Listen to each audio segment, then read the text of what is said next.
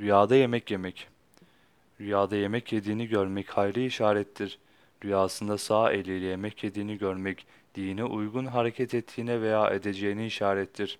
Sol eliyle yemek yediğini görmek ise düşmanının dediklerini yapmak, düşmana itaat etmeye ve dostlarına eza, cefa etmeye işarettir. Rüyada kötü renkli bir yiyecek yediğini görmek, rüyayı gören kişinin itibarının ve saygınlığının gideceğini işarettir. Rüyasında beyaz bir mantar yediğini görmek, uzun ömürlü olmaya, hasta bir kişi için iyileşmeye işaretle yorumlanır. Rüyasında yemeği yedikten sonra hazmettiğini, rahatladığını görmek, iş hayatında hırslı olmaya ve çok çalışmak zorunda olduğunu düşünmeye işarettir. Rüyasında önceden pişirilmiş olarak gelen bir yemeği yediğini görmek, rüyayı gören kişi başkasının sermayesini yiyeceğine işaret olarak yorumlanır.